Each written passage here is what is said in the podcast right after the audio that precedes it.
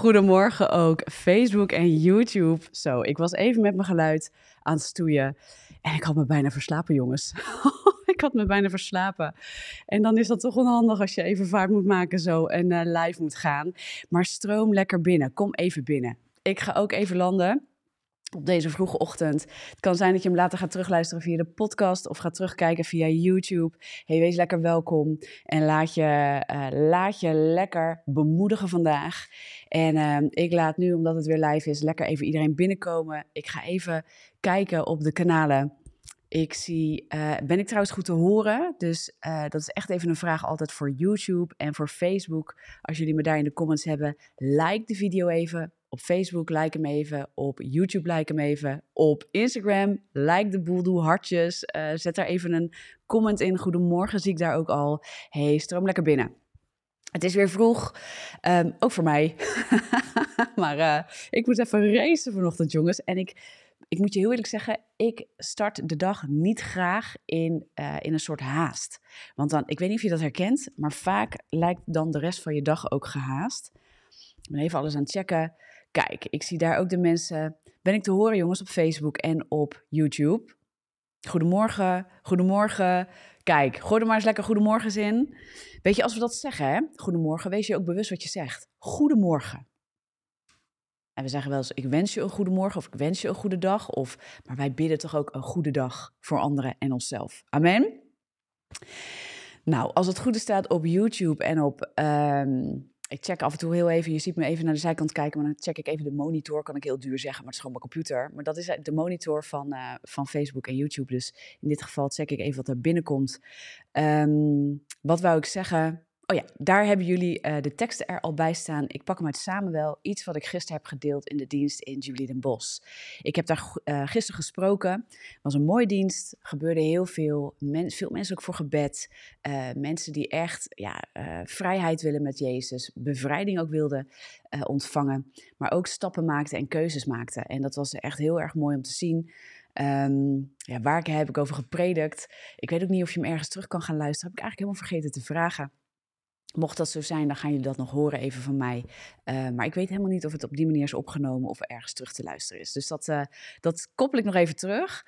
Um, maar ik had het over David en Goliath. En dat is een verhaal wat soms heel erg uitgekoud is. Maar ik wil je daar even in meenemen in iets heel specifieks.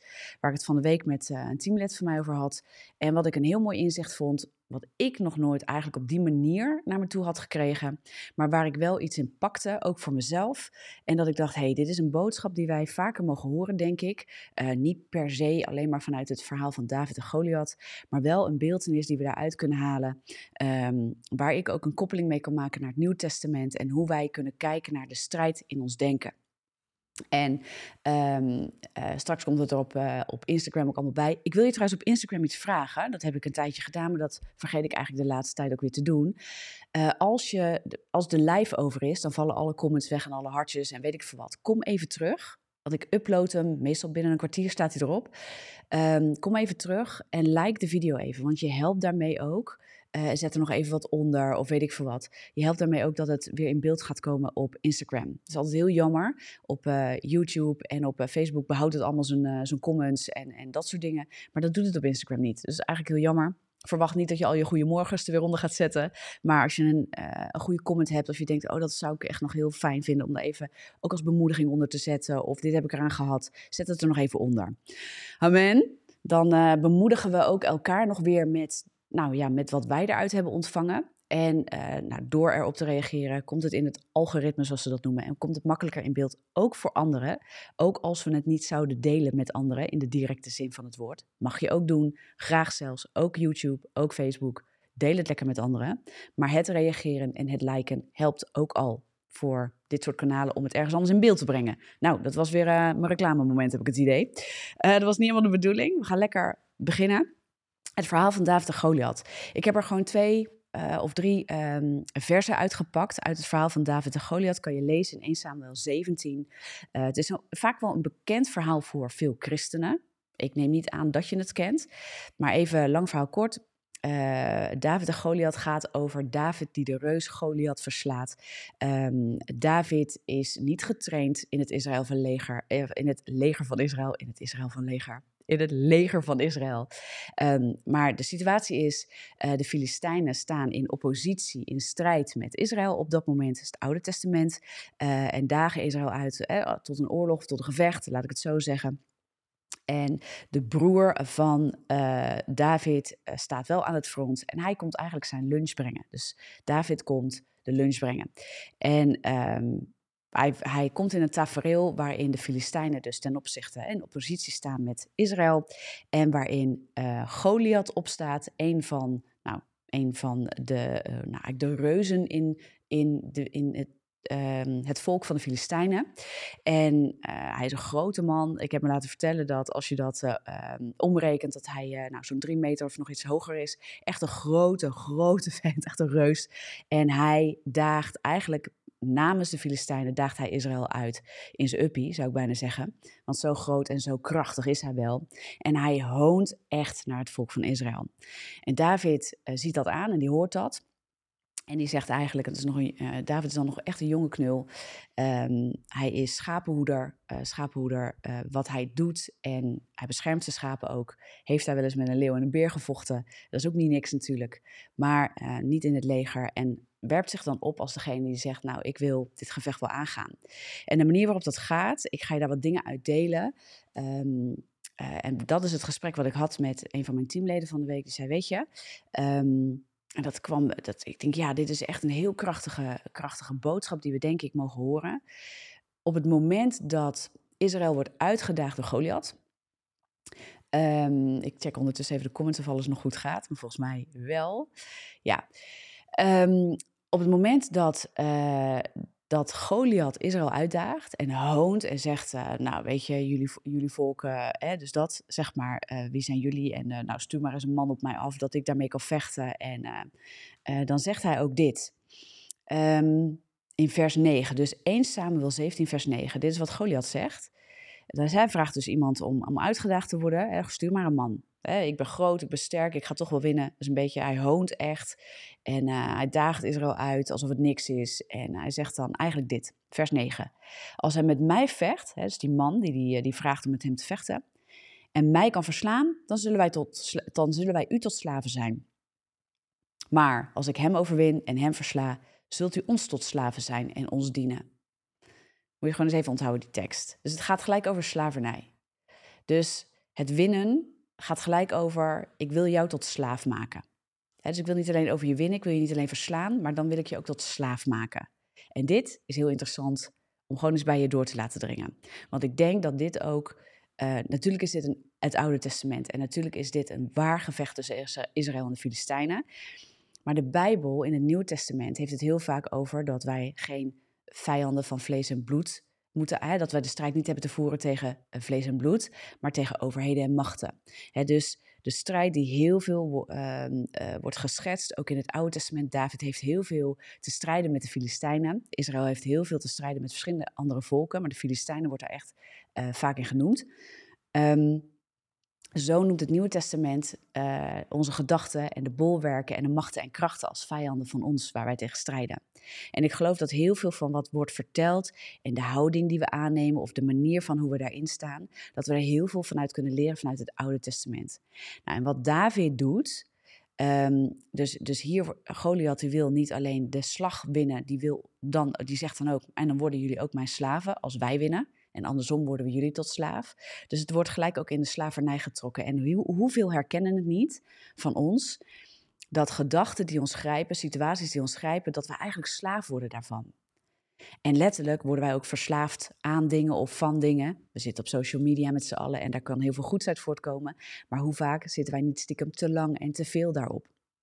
En vinden we lastig om het woord verslaving aan te koppelen, maar velen van ons hebben daar last van in de zin van verslaving dat scrollgedrag en dat we elke keer maar weer de, de trigger krijgen om weer op ons telefoon te moeten. Um, ook al is er helemaal geen reden voor, dan gaan we het toch weer pakken. Want het wordt een, het wordt, het wordt een verslaving. Ik wou zeggen, het wordt bijna verslaving, maar het wordt een verslaving. Drugs, drank, we kennen al die dingen waar we aan verslaafd kunnen raken. Aandacht kunnen we aan verslaafd raken. Uh, nou, zo zijn er nog heel veel dingen. Ja, en um, dat zijn ook dingen die ons leven binnentreden en, en zeker misleidingen en verleidingen, dus zonde waar we misschien ooit door gegrepen zijn en slaaf van zijn geweest, uh, ook als christen probeert dat, net als de stem van Goliath, die loop wil ik even maken, of die link wil ik even leggen, weer te honen uh, en te zeggen, jij christen, oh jij hoort nu bij het koninkrijk van God, jij bent nu bij het volk van God, oh jij bent geen zondaar meer, want Jezus is voor jou gestorven, maar... Uh, ik ga toch proberen te winnen in jouw leven. En, en dan zeg ik je, uh, dan zal ik je tot slaaf maken. Dat is wat die stem doet. En denk daar gewoon eens over na, want dat is gewoon het inzicht wat ik kreeg. Maar dit is, en dit, dit, dit vond ik zo'n krachtig stuk. Dit is dus waar ik het met, uh, met mijn teamlid over had. De reactie van Israël is angst. Dus als je leest in dit stuk, ik wil je echt adviseren het hele hoofdstuk eens te lezen. Lees het hele hoofdstuk eens. Lees gewoon eens 1 Samuel 17. Het begin aan het begin, lees tot het einde door. En deze teksten mag je er even uit laten springen vandaag. Um, maar op het moment dat Israël het, ge het gehoon van Goliath hoort, dan staat er ook dat zij, dat zij met vrees eigenlijk werden geslagen. Hè? Dus vrees komt over hen.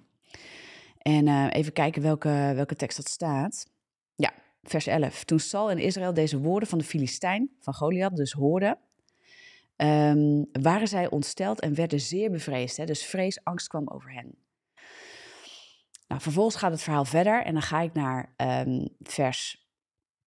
Uh, want hij hoont echt. Dus in vers 10, de vers wat daarvoor staat. Hè, dus hij, heden hoon ik de gelederen van Israël. Geef mij een man om samen mee te vechten. Dat is wat Goliath zegt. En, nou, en dan komt er echt vrees over Israël. En dan gaan we door naar vers 26, want die wil ik er even uit laten springen. En dit was het gesprek nogmaals. Oh, ik hou het spannend. Wat was nou, wat was nou dat gesprek met jouw teamgenoot? Die zei: Weet je, Tessa, um, Israël, die, die hoort, of als je het zo leest, wat, wat eh, Goliath doet, dan hoont hij Israël, het volk van God. Ja, dat is wat hij doet. Maar wat David hoort, is dat hij God hoont. Hij staat tegen God op. En dit is de reactie van David in vers 26. Uh, oh, sorry. Ik heb een verkeerd vers uh, uh, te pakken. Vers, dat moet vers. Ehm, oh, jongens. Vers 32. Nee, vers 37, denk ik. Nee, nee, nee, nee, nee. Ik ga heel even. Oh, joh. Kijk, dat ging dus te snel. Ik was dus nog dingen bij elkaar aan het zoeken. Ik refereer, dan ga ik even kijken, want ik heb hem hier openstaan. Ik refereer naar vers 26, maar dat is niet vers 26. Um, ja, even kijken. Ik denk dat het vers 32 is. Nee, vers 37. Sorry jongens, ik ga het straks even corrigeren in uh, uh, YouTube en, uh, en, Facebook. En ik zet hem er later op ehm, Instagram bij. Vers 37. Daar staat, verder zei David, de Heer die me uit de klauwen van de leeuw gered heeft en uit de klauwen van de beer, die zal me redden uit de hand van deze Filistijn.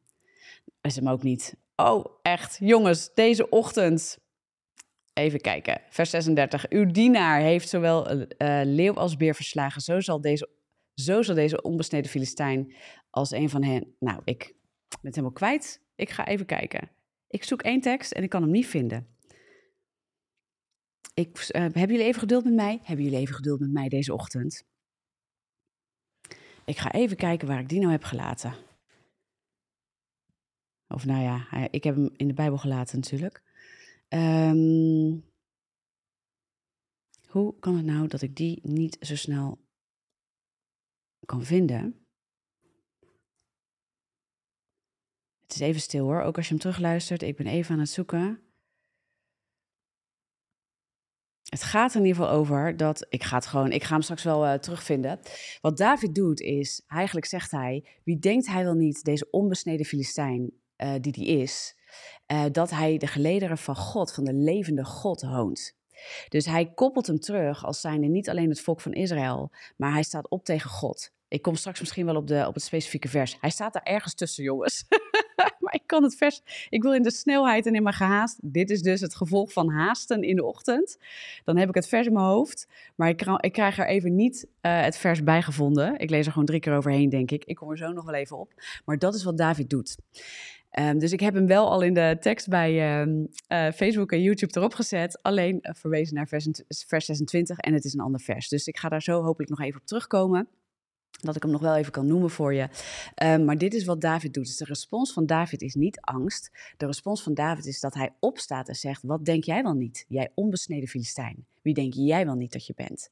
En dus eigenlijk wat er gebeurt is de trots en het honen van, uh, van Goliath wekt in David iets op wat opstaat. En we zeggen natuurlijk wel eens heel mooi: ja, je moet opstaan en je moet gaan staan en je moet je gaan staan in je identiteit. En dat is eigenlijk ook iets dat we soms gaan zoeken van ja, maar hoe doe ik dat nou? Wat, hoe kan het nou? Het is wel 26. Is het wel 26? Ik ga even kijken. Lees ik er dan niet goed over? Ja joh. het is wel vers 26. Wat zijn jullie beter wakker dan ik? Het is wel 26. Heel goed, ik ga hem daar nog een keer lezen, jongens. Toen zei David tegen de mannen die bij hem stonden: Wat zal men de man doen die deze Filistijn verslaat en de smaad van Israël afwendt? Want wie is deze onbesneden Filistijn wel dat hij de gelederen van de levende God durft te honen? Ik zag het eerste stuk en ik denk dat is niet de goede tekst. Dankjewel voor de oplettende mens. Heerlijk. Nou, hoop verwarring in deze aflevering. Excuses. Um, maar dat is dus wat hij doet. Dus wat hij doet is, zijn reactie is, is niet angst. Maar is, en misschien heeft hij dat wel gevoeld, hè? dat staat hier niet in, maar misschien is hij ook wel even geïntimideerd geweest. Maar zijn reactie komt uit zijn wandel met God. hij weet wie God is geweest als schapenhoeder, die hem heeft geholpen om de leeuw en de beer te verslaan. Want hè, dus net in de andere teksten las ik heel even over dat David dus ook refereert naar de leeuw en de beer. Hè, dus hij eh, hoedt de schapen van zijn vader. Dat is, dat is wat David tot aan dat moment ook doet. Hij um, uh, heeft daar ook te maken gehad met nou, oppositie, om het zo maar te zeggen, met strijd, maar dan met een leeuw en een beer. Daar heeft hij dat altijd, um, want uiteindelijk verslaat hij Goliath hè, met... Um, zijn slinger en vijf steentjes, die hij als wapen gebruikt om hem neer te halen. En dan hakt hij de kop van Goliath af met het zwaard van Goliath. Dus dat is uiteindelijk wat hij doet. En um, dus hij laat hem, uh, hij, laat hem uh, on, hij onthoofdt hem met, met het eigen zwaard. Um, maar hij haalt hem neer met, met die steentjes, met dat wat hij geleerd heeft van God in de, in de uh, tijd met God die hij heeft doorgebracht, daar op de plek waar hij altijd is geweest. En wij zijn vaak bang in de oppositie met nou ja, een, eh, de dingen in ons denken. dus als je nu naar 2 Korinthe 10, vers 4 en 5 gaat, waar het gaat over de bolwerken neerhalen en de gedachten gevangen nemen en onder de gehoorzaamheid aan Christus brengen. En dat is een tekst die ik vaak aanhaal. En daar, is niet, hè, daar wordt gezegd, de strijd die wij hebben is niet tegen vlees en bloed, maar tegen overheden en machten.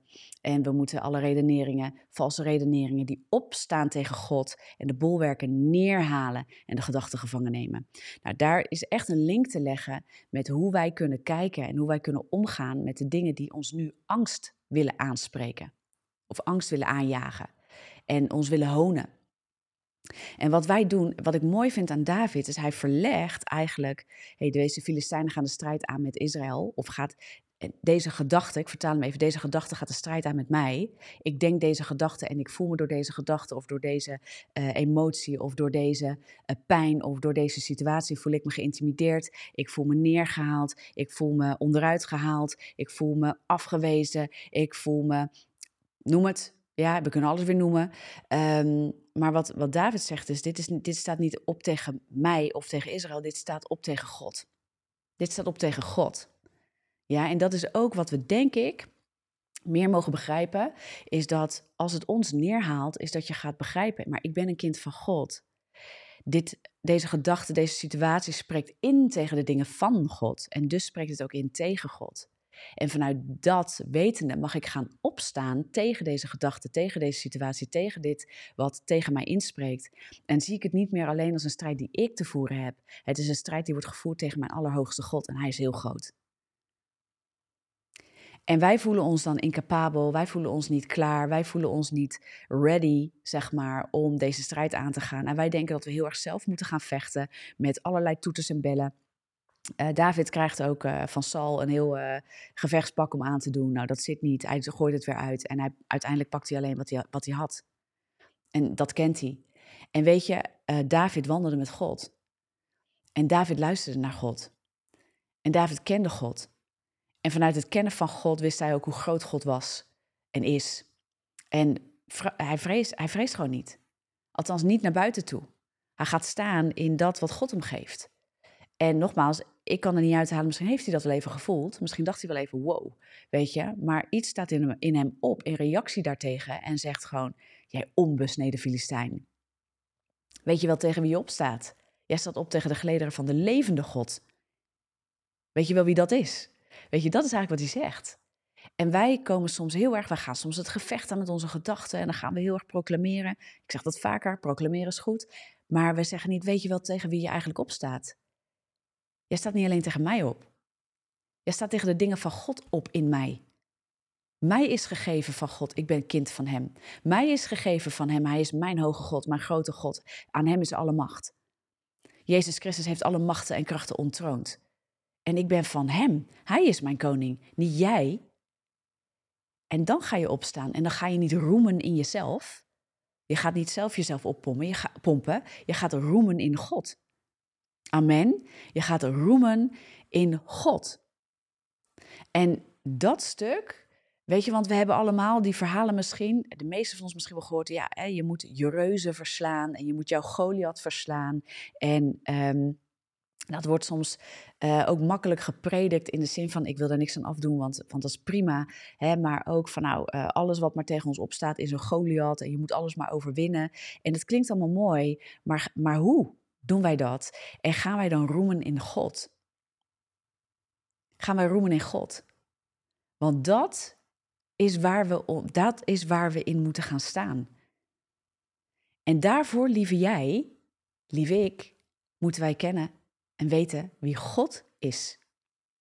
Daarom is het woord van God zo belangrijk, dat je weet wie Hij is. Dat je dit soort verhalen leest en denkt, wauw, dat inzicht, die situatie van David en, en Goliath, ja, dit, David, hè, hij was niet capabel. Hij won niet omdat hij zo fantastisch capabel was met dat wat Saul uh, zijn leger had geleerd.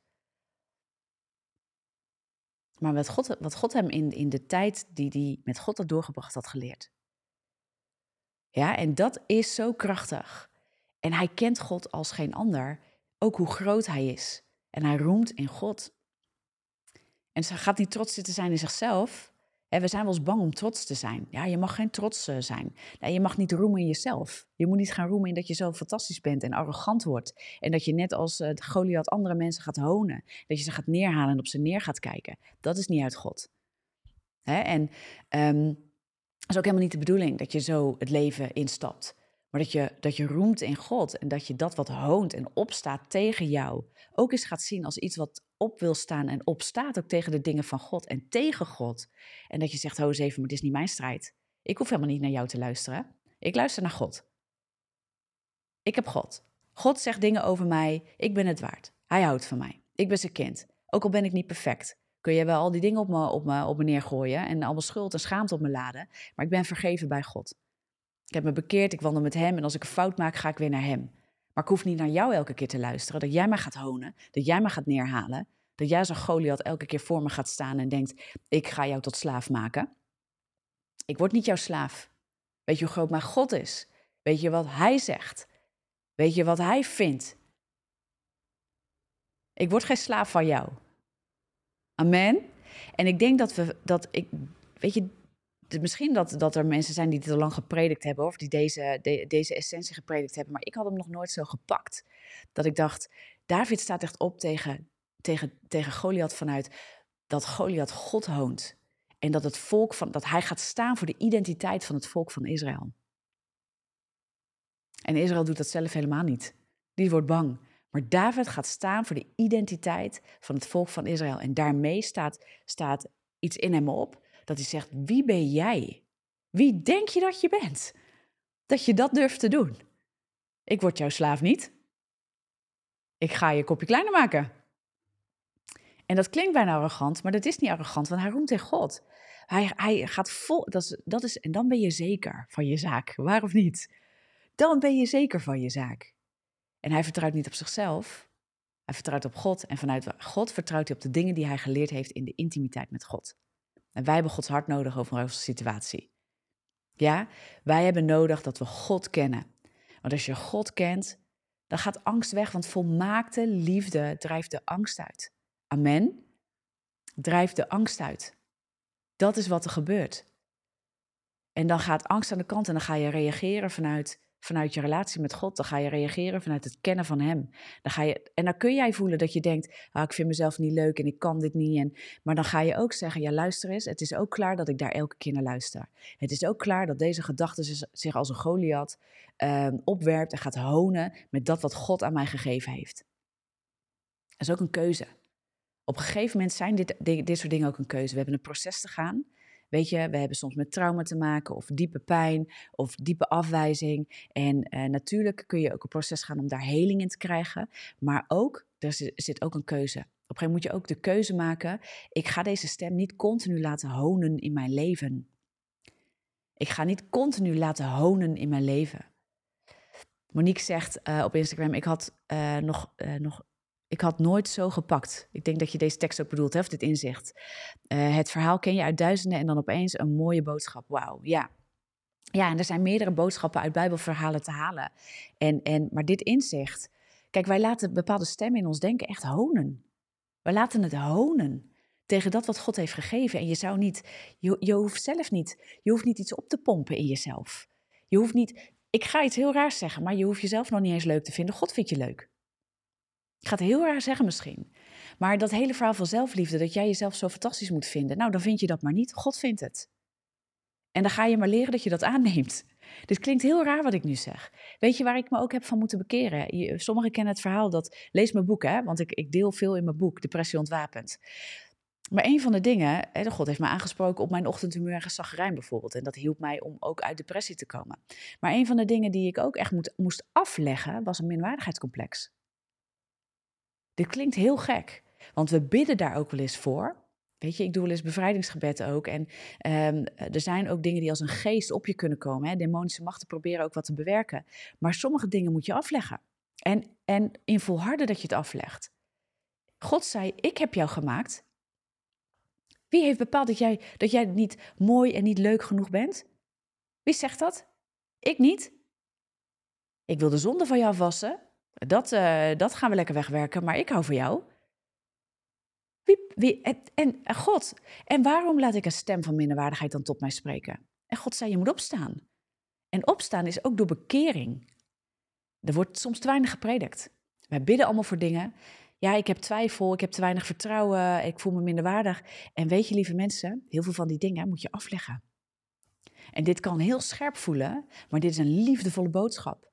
Want als je gaat snappen dat deze stem van minderwaardigheid hoont, dat een stem van onzekerheid hoont, ja, dat, dat het honende stemmen zijn, die zeggen, je bent niet mooi genoeg, je bent niet leuk genoeg, dat kan je allemaal niet, God houdt niet van jou. God houdt niet van jou is de meest honende stem die er is.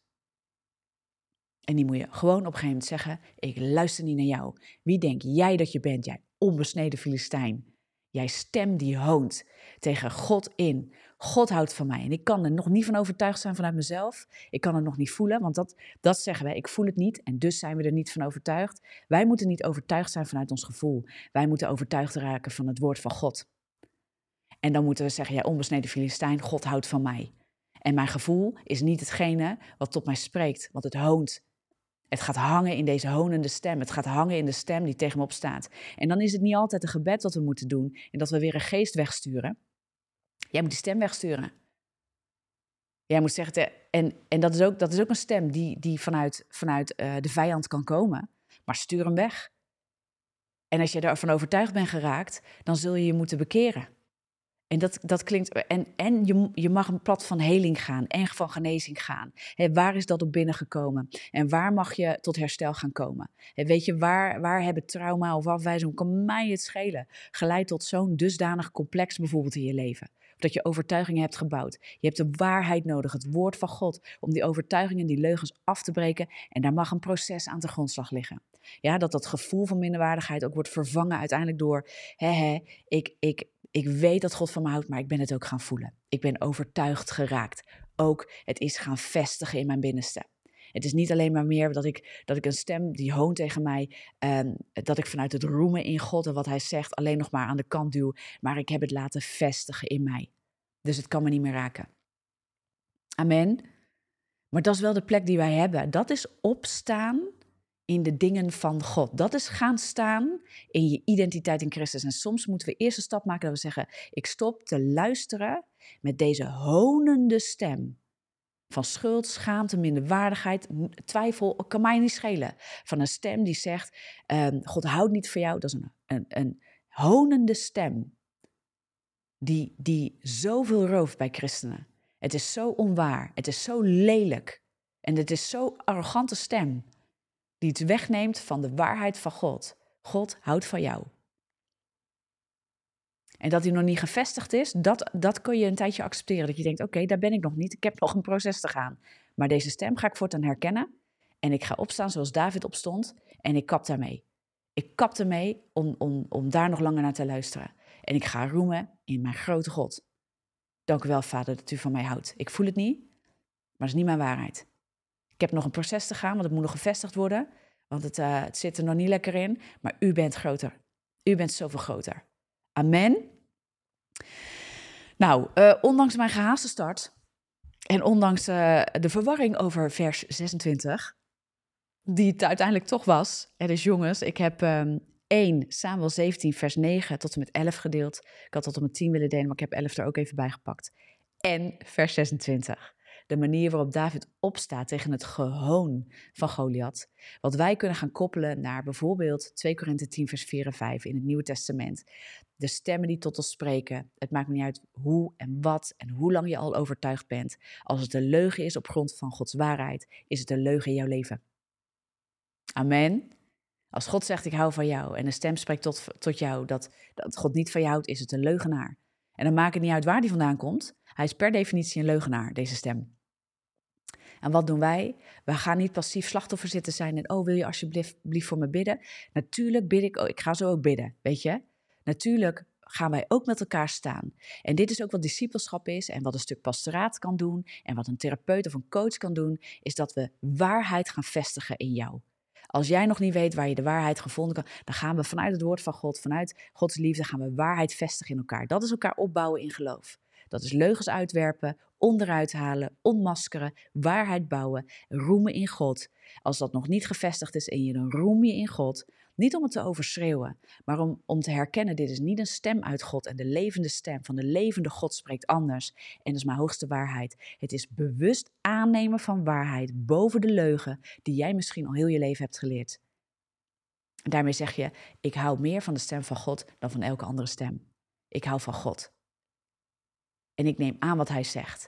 En nu ga ik een proces van vestigen. En daar heb ik geloofshelden om mij heen voor nodig. Mensen die dat al gewandeld hebben, mensen die daarover spreken, mensen die mij opbouwen, mensen die met mij staan, mensen die dus geloof met mij bouwen, mensen die niet alleen maar ai ai, maar ook een huk geven als je het een keer zwaar hebt, ook als je ergens doorheen gaat. Ja, laten we lief blijven ook voor elkaar in die zin en liefdevol vooral, maar dan ook zeggen ik geef je een huk, maar ik ga ook even met je het woord in, want je hebt woord van God nodig. Je hebt opbouw nodig. En dat is ook wat ik hoop dat deze, deze ochtendgebeden en ook de lives op donderdag met je doen. En alle andere content en mijn boek en ook de boeken die ik aan het schrijven ben. weet je, ik ben met boeken bezig en het duurt even, want er zitten processen bij mij ook achter. maar er gaan ook nieuwe dingen komen en dat is tot opbouw. Dat je dingen krijgt vanuit het woord van God op een manier die in je vestigt. Want als het niet gevestigd wordt, dan blijf jij, dan zijn wij vaak, wij zijn emotionele wezens. Wij geloven ons gevoel. Dus ik snap dat heel veel christenen weer onderuit gaan en die zeggen: Ja, maar Tessa, ik voel het niet. Ja, maar Tessa, ik lees het wel, maar ik voel het niet. Je moet, dit moet je horen. Jij moet opstaan tegen de honende stemmen in jouw leven, want ze gaan in niet tegen jou alleen, maar tegen de Allerhoogste waar jij een kind van bent. Voel je het vuur? Ik, ik, daar nu, want nu gebeurt er ook hetzelfde. Daar waar ik in mijn haast begon net en dat er even nog wat verwarring was over de tekst. Dat denk ik, nou ja, dan weet ik maar even niet exact de tekst. Dit is wat David deed en dit is wat we moeten doen. En dan komt er een vuur en het komt vrij. Ga roemen in jouw God, want er komt het komt vrij. En dat vuur van God, dat wil jou ook louteren. En dat vuur van God helpt je te gaan staan. En de kracht van God helpt je te staan. De Heilige Geest is aan ons gegeven om ons te leiden in de volle waarheid. Maar ook om over ons te komen met kracht. Paulus spreekt er ook over. Ja, in 1 Korinthe 2. Dat, dat we ook in kracht worden opgebouwd. Want dat bouwt ook geloof. Want dat, dat geeft ons moed. Dat geeft ons iets. En als we gaan roemen in God, Als je niet alleen dat een beetje dat je denkt, ja, iedereen doet dat, dus ik doe het ook maar. Nee, ga, ga met je hart bij God. Zeg, Heer, ik voel het niet, maar ik neem aan dat u groter bent. Ik neem uw woord aan over mijn leven. En ik ga het vestigen. En je maakt een besluit. Ik ga dit vestigen. Amen. Oh man, ik ben full fire. Ik was het gisteren en ik ben het nu weer. En uh, de haast wilde me bijna een beetje onderuit halen om het vuur mee te nemen naar deze ochtend. Maar dat laten we niet gebeuren, amen. Dat laten we niet gebeuren. Ook als je het later terugluistert. Ik hoop dat je het voelt, eh, of, of kijkt. Ik hoop dat je het vuur voelt. Ja, en dat je de kracht er doorheen voelt en dat het je aanmoedigt. En ik wil voor je bidden, maar ga zelf staan. Weet je, we helpen elkaar. We hebben elkaar ook nodig. Weet je, om elkaar op te bouwen. Want we hebben allemaal momenten, allemaal, ik ben niet uitgezonderd, dat ook ik mensen nodig heb die even voor mij in geloof gaan staan, om het zo maar te zeggen. Dat als ik even denk, en, ik, en ik hang in mijn gevoel, of er gebeurt iets waar je echt pijn en verdriet van hebt. Want deze wereld is gebroken. En we maken allemaal verlies mee. We maken allemaal vervelende dingen mee. Er zijn allemaal momenten dat we overspoeld worden door van alles en nog wat.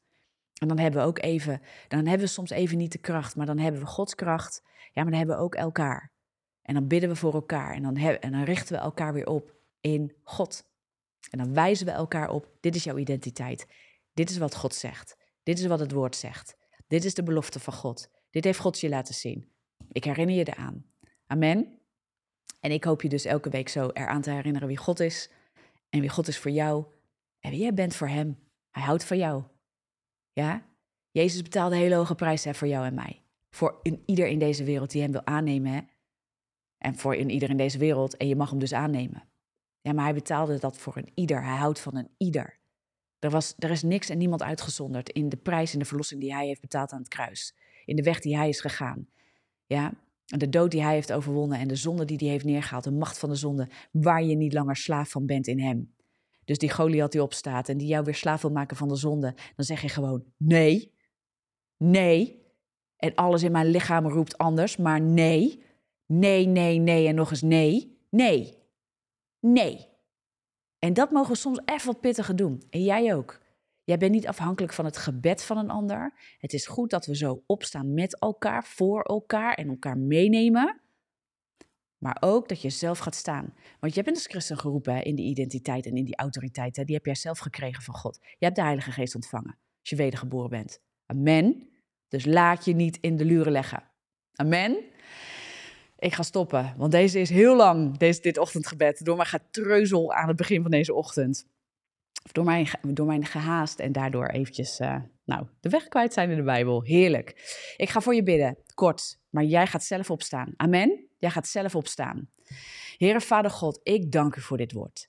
Ik dank u voor dit woord van vrijheid. Ik dank u voor de openbaring die hier dwars doorheen komt en het vuur en de kracht die hier doorheen komt dat we mogen gaan staan. En dat het ons praktisch ook meegeeft, het verhaal van David en Goliath, Heer. Dat het ons praktisch meegeeft hoe wij kunnen staan. Wij hoeven niet in onszelf te roemen. Wij hoeven onszelf nog niet, helemaal niet leuk te vinden, maar mogen alleen maar aannemen. U vindt ons leuk, u vindt ons mooi. Jezus heeft een hoge prijs voor ons betaald. Waarom? Omdat Hij het ons waard vindt. Omdat Hij van ons houdt. Omdat wij horen bij Hem. We zijn een kind van Hem. Hij roept ons tot Zijn hart. Heer, en dank u wel dat dat de plek is van waaruit we mogen staan en alles wat nog niet in lijn is met u. Dat we daar niet continu onder schuld en schaamte hoeven te worden gebracht, maar dat we weten we zijn vrij in Christus. En wij mogen opstaan tegen de stemmen die ons daarin willen tot slaaf maken, die honen tegen u, die honen tegen onze identiteit in u, want dan honen ze tegen u, tegen de Allerhoogste. En dat wij dat praktisch, dat is een praktisch woord, wat wij mogen beseffen, dat wij vanuit dat mogen opstaan. Dat we zeggen, deze stem haalt niet alleen mij neer. Die minderwaardigheid die tot mij spreekt, haalt niet mij neer. Maar hij haalt het woord van God neer in mij. En ik stop ermee daarnaar te luisteren. Het is ook een weg van bekering. De goede tierenheid van God leidt tot bekering, zegt Romeinen. Uw goedheid laat ons weten dat u van ons houdt. En daarmee bekeren wij van stemmen. Wij keren ons af te luisteren naar stemmen die daartegen ingaan en honen. En wij gaan staan op de identiteit die ons is gegeven, op de rots in Christus. Wij roemen in Hem. Amen. Wij roemen in Hem. En wees zo gezegend, volk van God, kinderen van Christus, ja, van, van God. Amen. Dat je, dat je daarin, wees zo gezegend in dit woord, dat je daarin nu kan gaan staan, dat je zegt, nee. Nee is ook een antwoord. Nee is een antwoord. En dat je gaat staan. En dat je open en kwetsbaar durft te blijven als je een keer moeilijk hebt. Dat je zegt tegen mensen: Ik heb het moeilijk. Ik mis waarheid. Of ik val er elke keer in. Kun je me helpen geloof te bouwen? Kun je arm om me heen slaan? Want ik heb ook even een huk nodig. En dat moet ook niet een verslaving worden, om het te zeggen. Dat je altijd afhankelijk gaat worden van anderen. Maar wel dat je af en toe mag zeggen: Nu is het even lastig. Ik, ik mis geloof. Ik, het vestigt niet. Hoe ga ik het vestigen? Dat mag je vragen. Dat, en dat is je proces. Ja? Dus je, je proces is niet dat je in afhankelijkheid gaat komen van anderen. Maar wel dat je open en eerlijk blijft naar anderen. En dat je soms ook die hulp durft te zoeken. Hoe dan ook. In je kerk, bij vrienden, uh, in je omgeving. En als het daar niet is, dan ga je naar pastoraal, uh, pastoraat. Of je gaat een discipelschapstraining volgen. Of kan mij het schelen wat je doet. Een goede bijbelschool waar je wordt opgebouwd. Een coach en therapeut die jou opbouwt. Amen. Die jou helpt waarheid te bouwen. Amen. En liefde te ontvangen uiteindelijk. Dat is natuurlijk de bedoeling. Niet omdat je daar dan afhankelijk van wordt, maar dat het in een periode je helpt om er doorheen te breken. Amen. Ik ga afronden, jongens, want jullie komen allemaal te laat op je werk. Het duurt veel te lang.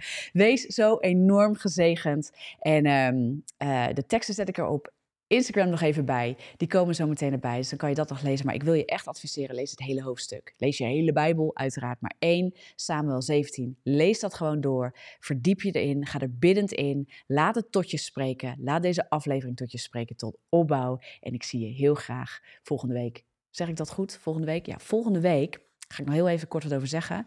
Uh, volgende week is volgens mij de laatste week van april. En daarna ben ik sowieso twee weken even met vakantie. Even met een korte sabbatical. Dus dan ben ik ook niet live online aanwezig. Ik ga even kijken wat ik wel doe. Misschien ben ik ook even echt helemaal van de socials af. Dat weet ik niet. Ga ik nog even over nadenken hoe ik dat doe. Um, maar weet dat ik dan de eerste twee weken van mei zijn er geen lives. Hè, dus misschien dat er wat anders komt, maar er zijn even geen lives. Oeh, twee weken lang sowieso, dat is lang. ja, dus weet dat. Maar volgende week nog wel. Dus volgende week ben ik er maandagochtend live. Zorg dat je erbij bent. Be blessed en tot volgende week.